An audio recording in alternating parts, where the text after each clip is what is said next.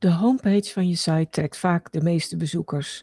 De plek dus waar je een goede indruk wil maken en waar je bezoekers wil verleiden tot een vervolgstap. In deze aflevering gaat het daarom over de ingrediënten die je helpen om dat voor elkaar te krijgen.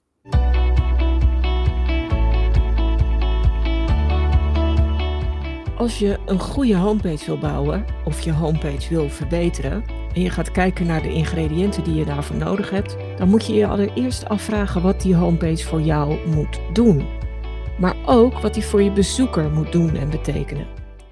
Ik denk dat er vier dingen van belang zijn. Allereerst wil je dat een homepage duidelijkheid biedt. Wat valt er hier nou te halen op deze website? En ten tweede, als je wat wil verkopen, bewijs dan dat het wel goed zit als iemand bij jou komt op de website, of in het bedrijf, of in de webwinkel. Ten derde gaat het om de sfeer en om je merk. Wat wil je bij de bezoekers oproepen? Welke indruk wil je maken? Wat wil je dat ze, dat ze van je onthouden? Welk gevoel moeten ze krijgen? En ten vierde wil je aanzetten tot een vervolgactie, een volgende stap. Je wilt ervoor zorgen dat mensen je homepage niet meteen weer verlaten. Dat zijn vier belangrijke functies waarvan ik denk dat een homepage daaraan moet voldoen. Dus ik wil ze graag wat toelichten en je hopelijk op ideeën brengen waarmee je je eigen homepage verder invulling kunt geven of verder kunt verbeteren. Want dat is wel een beetje het geval met een homepage. Soms wordt die wat verwaarloosd, want je denkt, we hebben hem toch in één keer goed neergezet en dan laat je hem. Maar een homepage zou eigenlijk mee moeten veranderen met je bedrijf en met de omstandigheden waar je bedrijf in verkeert. En in deze roerige tijden verandert er voortdurend van alles, dus zou je homepage met je mee kunnen veranderen. Dus ga je niet uit van een statische homepage, maar wil je wel kijken van hey, voldoet die nog? Kan ik hem nog beter maken? Dan kun je met deze vier categorieën kijken of je homepage eraan voldoet. Nou, die eerste categorie, ik noemde het al, is duidelijkheid bieden. Hoe kun je dat nou doen? Nou, in principe zijn de omslagfoto en de titel van je website daarvoor natuurlijk heel belangrijk. Want het is over het algemeen het eerste wat mensen zien. Misschien zien ze nog net je logo linksbovenaan iets eerder, omdat bezoekers van een site bijna altijd linksboven beginnen op een pagina. Maar daarna is het oog, als het goed is, meteen getrokken door je omslagfoto en je titel. Laat daar dus zien waar je bedrijf over gaat. Geef daar ook de sfeer weer.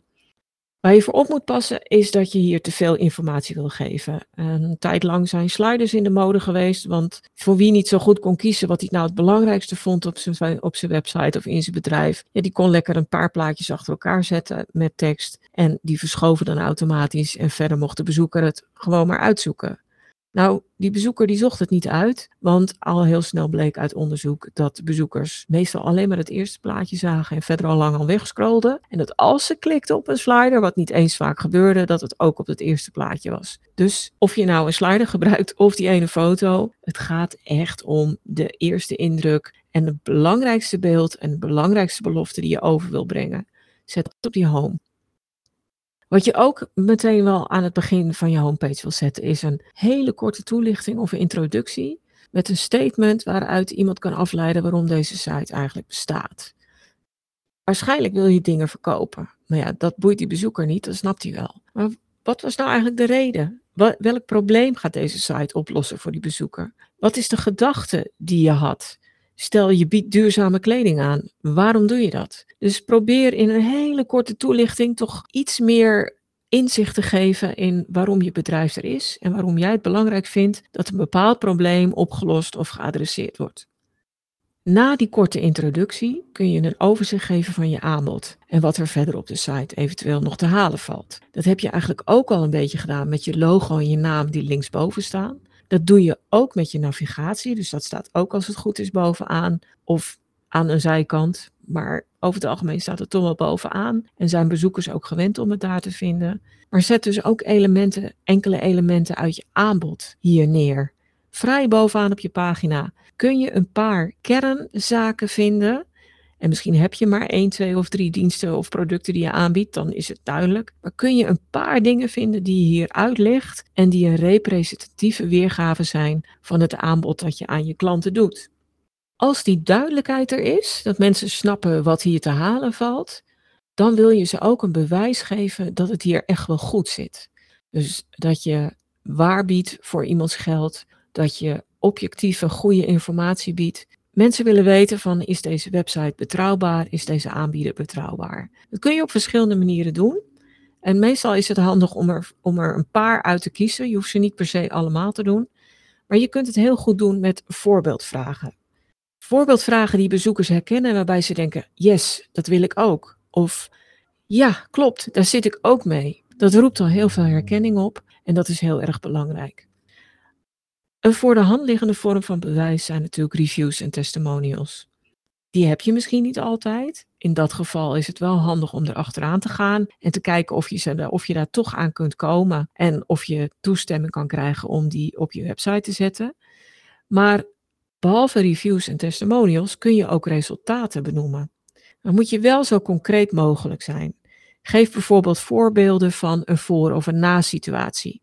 Of geef voorbeelden van cijfers waaruit iemand kan destilleren dat er echt een progressie of een oplossing geboden wordt voor een specifiek probleem.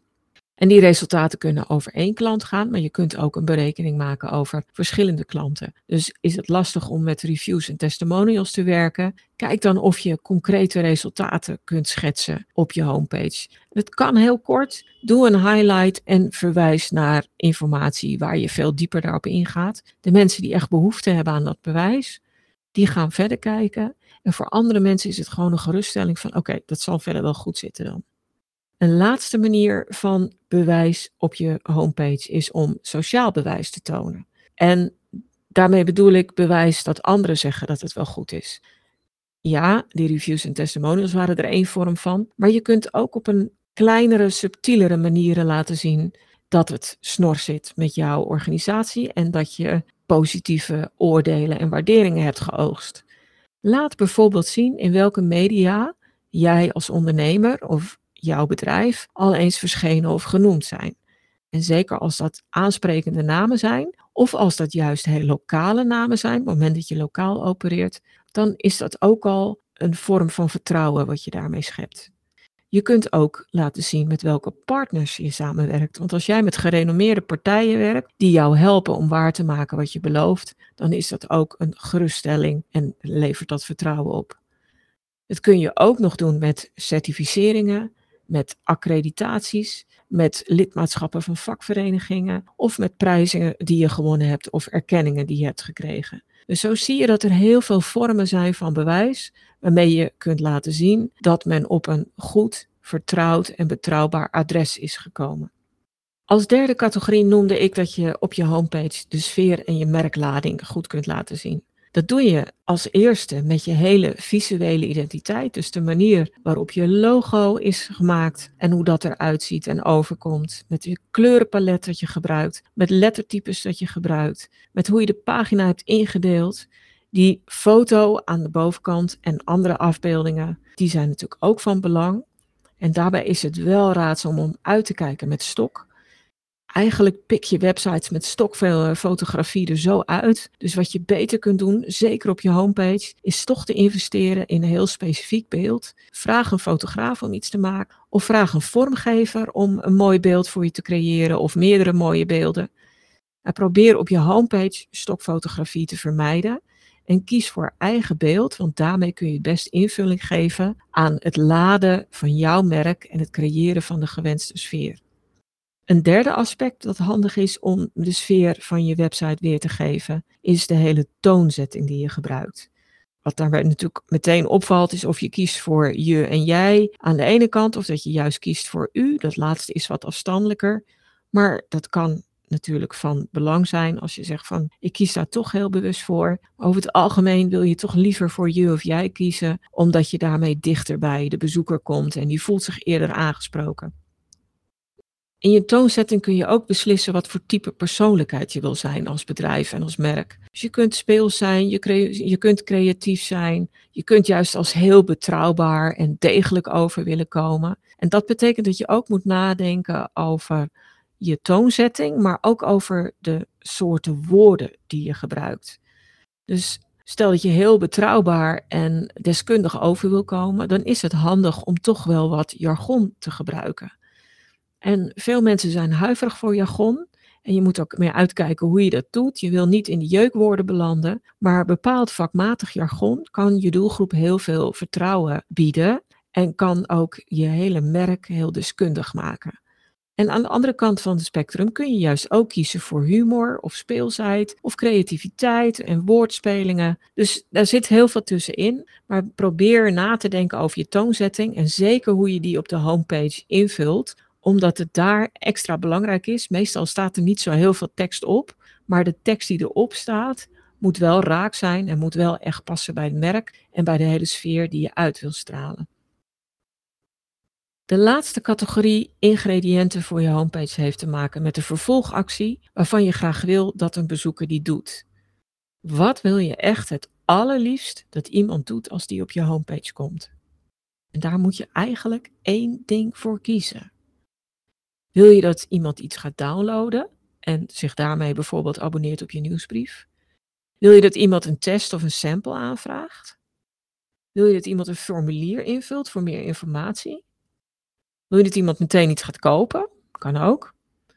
Of heb je liever dat iemand eventjes met jou in de chat uh, raakt, of met iemand van je klantenservice in de chat raakt, of misschien zelfs wel met een bot in de chat gaat? Of afhankelijk van waar je bedrijf over gaat en hoe je aan klantenbinding en klantreis werkt, zou je er ook voor kunnen kiezen dat iemand vanaf die homepage direct de weg vindt naar een after-sales service en klantenservice. Dat kan ook een heel belangrijk element zijn voor jou als bedrijf. Misschien wel belangrijker dan de andere dingen die ik opzomde. En dan zou dit je primaire vervolgactie moeten zijn. Dus je ziet dat je voor verschillende dingen kan kiezen, maar het belangrijkste is dat je wel kiest. Natuurlijk kun je er wat meer op zetten, maar één ding moet echt in het oog springen, omdat je daarmee de kans groter maakt dat iemand die ene actie ook echt gaat nemen. Dat waren vier categorieën van soorten content die je op je homepage kunt zetten, content waarmee je duidelijkheid biedt, wat valt er nou te halen, content waarmee je bewijs levert dat het wel goed zit bij jouw bedrijf en op jouw website, content waarmee je de sfeer zet en waarmee je, je merk laat en content waarmee je aanzet tot een hele specifieke belangrijke vervolgactie. Een andere aanbeveling, behalve deze soorten content, is om af en toe toch even afstand te nemen van je home homepage. Zoom uit en kijk of die nog steeds overzichtelijk en duidelijk is. Check of de belangrijkste elementen echt nog boven de zogenaamde vouwlijn staan. Dat is handig voor desktopbezoekers, maar zo weet je ook dat de belangrijkste zaken op mobiel ook bovenaan komen. Want juist op mobiel wil niemand langscrollen om bij de kern van je homepage te komen. En wat je ook nog kunt doen, is dat je in Analytics in de gaten houdt wat mensen nou precies doen als ze op je homepage komen. Is dat die gewenste actie? Is dat iets anders? Waar navigeren ze naartoe? Waar klikken ze op? Of hoppen ze misschien meteen weer weg? Nou, gaan ze helemaal weg van je site of eh, gaan ze weer terug naar de zoekresultaten? Er zijn natuurlijk verschillende mogelijkheden. Maar als je ziet dat mensen heel kort op je homepage zijn en niet doorklikken naar een andere pagina op je site en niet doorklikken op die gewenste actie, ja, dan is het toch wel slim om vanuit die analytics data te kijken hoe je je homepage toch iets anders kunt inrichten en zo kunt aanpassen dat mensen daar wel meer vinden wat ze zoeken. Want als ze snel weg zijn, is het duidelijk dat ze niet vonden wat ze zochten. Ik hoop dat je hiermee ideeën hebt gekregen over hoe je jouw homepage beter kunt laten functioneren. Er valt natuurlijk heel veel over te zeggen. En op stro.nl vind je een blog dat in totaal 15 bouwstenen noemt voor een goede homepage. Daar staat alles nog eens lekker op een rij en daar heb ik ook nog iets meer aangegeven dan wat ik hier heb verteld. En daarom zet ik een link naar het blog in de show notes. Dankjewel voor het luisteren. Voel je zeker vrij om deze aflevering van de Content Divas podcast met anderen te delen als je denkt dat dit van pas kan komen. En heb je zelf een handige tip of inzicht opgedaan met deze aflevering, dan hoop ik dat je een review wil achterlaten. Heb je nog meer vragen? Zoek je meer informatie? Neem dan zeker een kijkje op de website. Die vind je op stroop.nl met dubbel S. En daar vind je natuurlijk ook die handige content kennisbank waar je allerlei gratis checklists, stappenplannen, handleidingen en nog veel meer kunt vinden.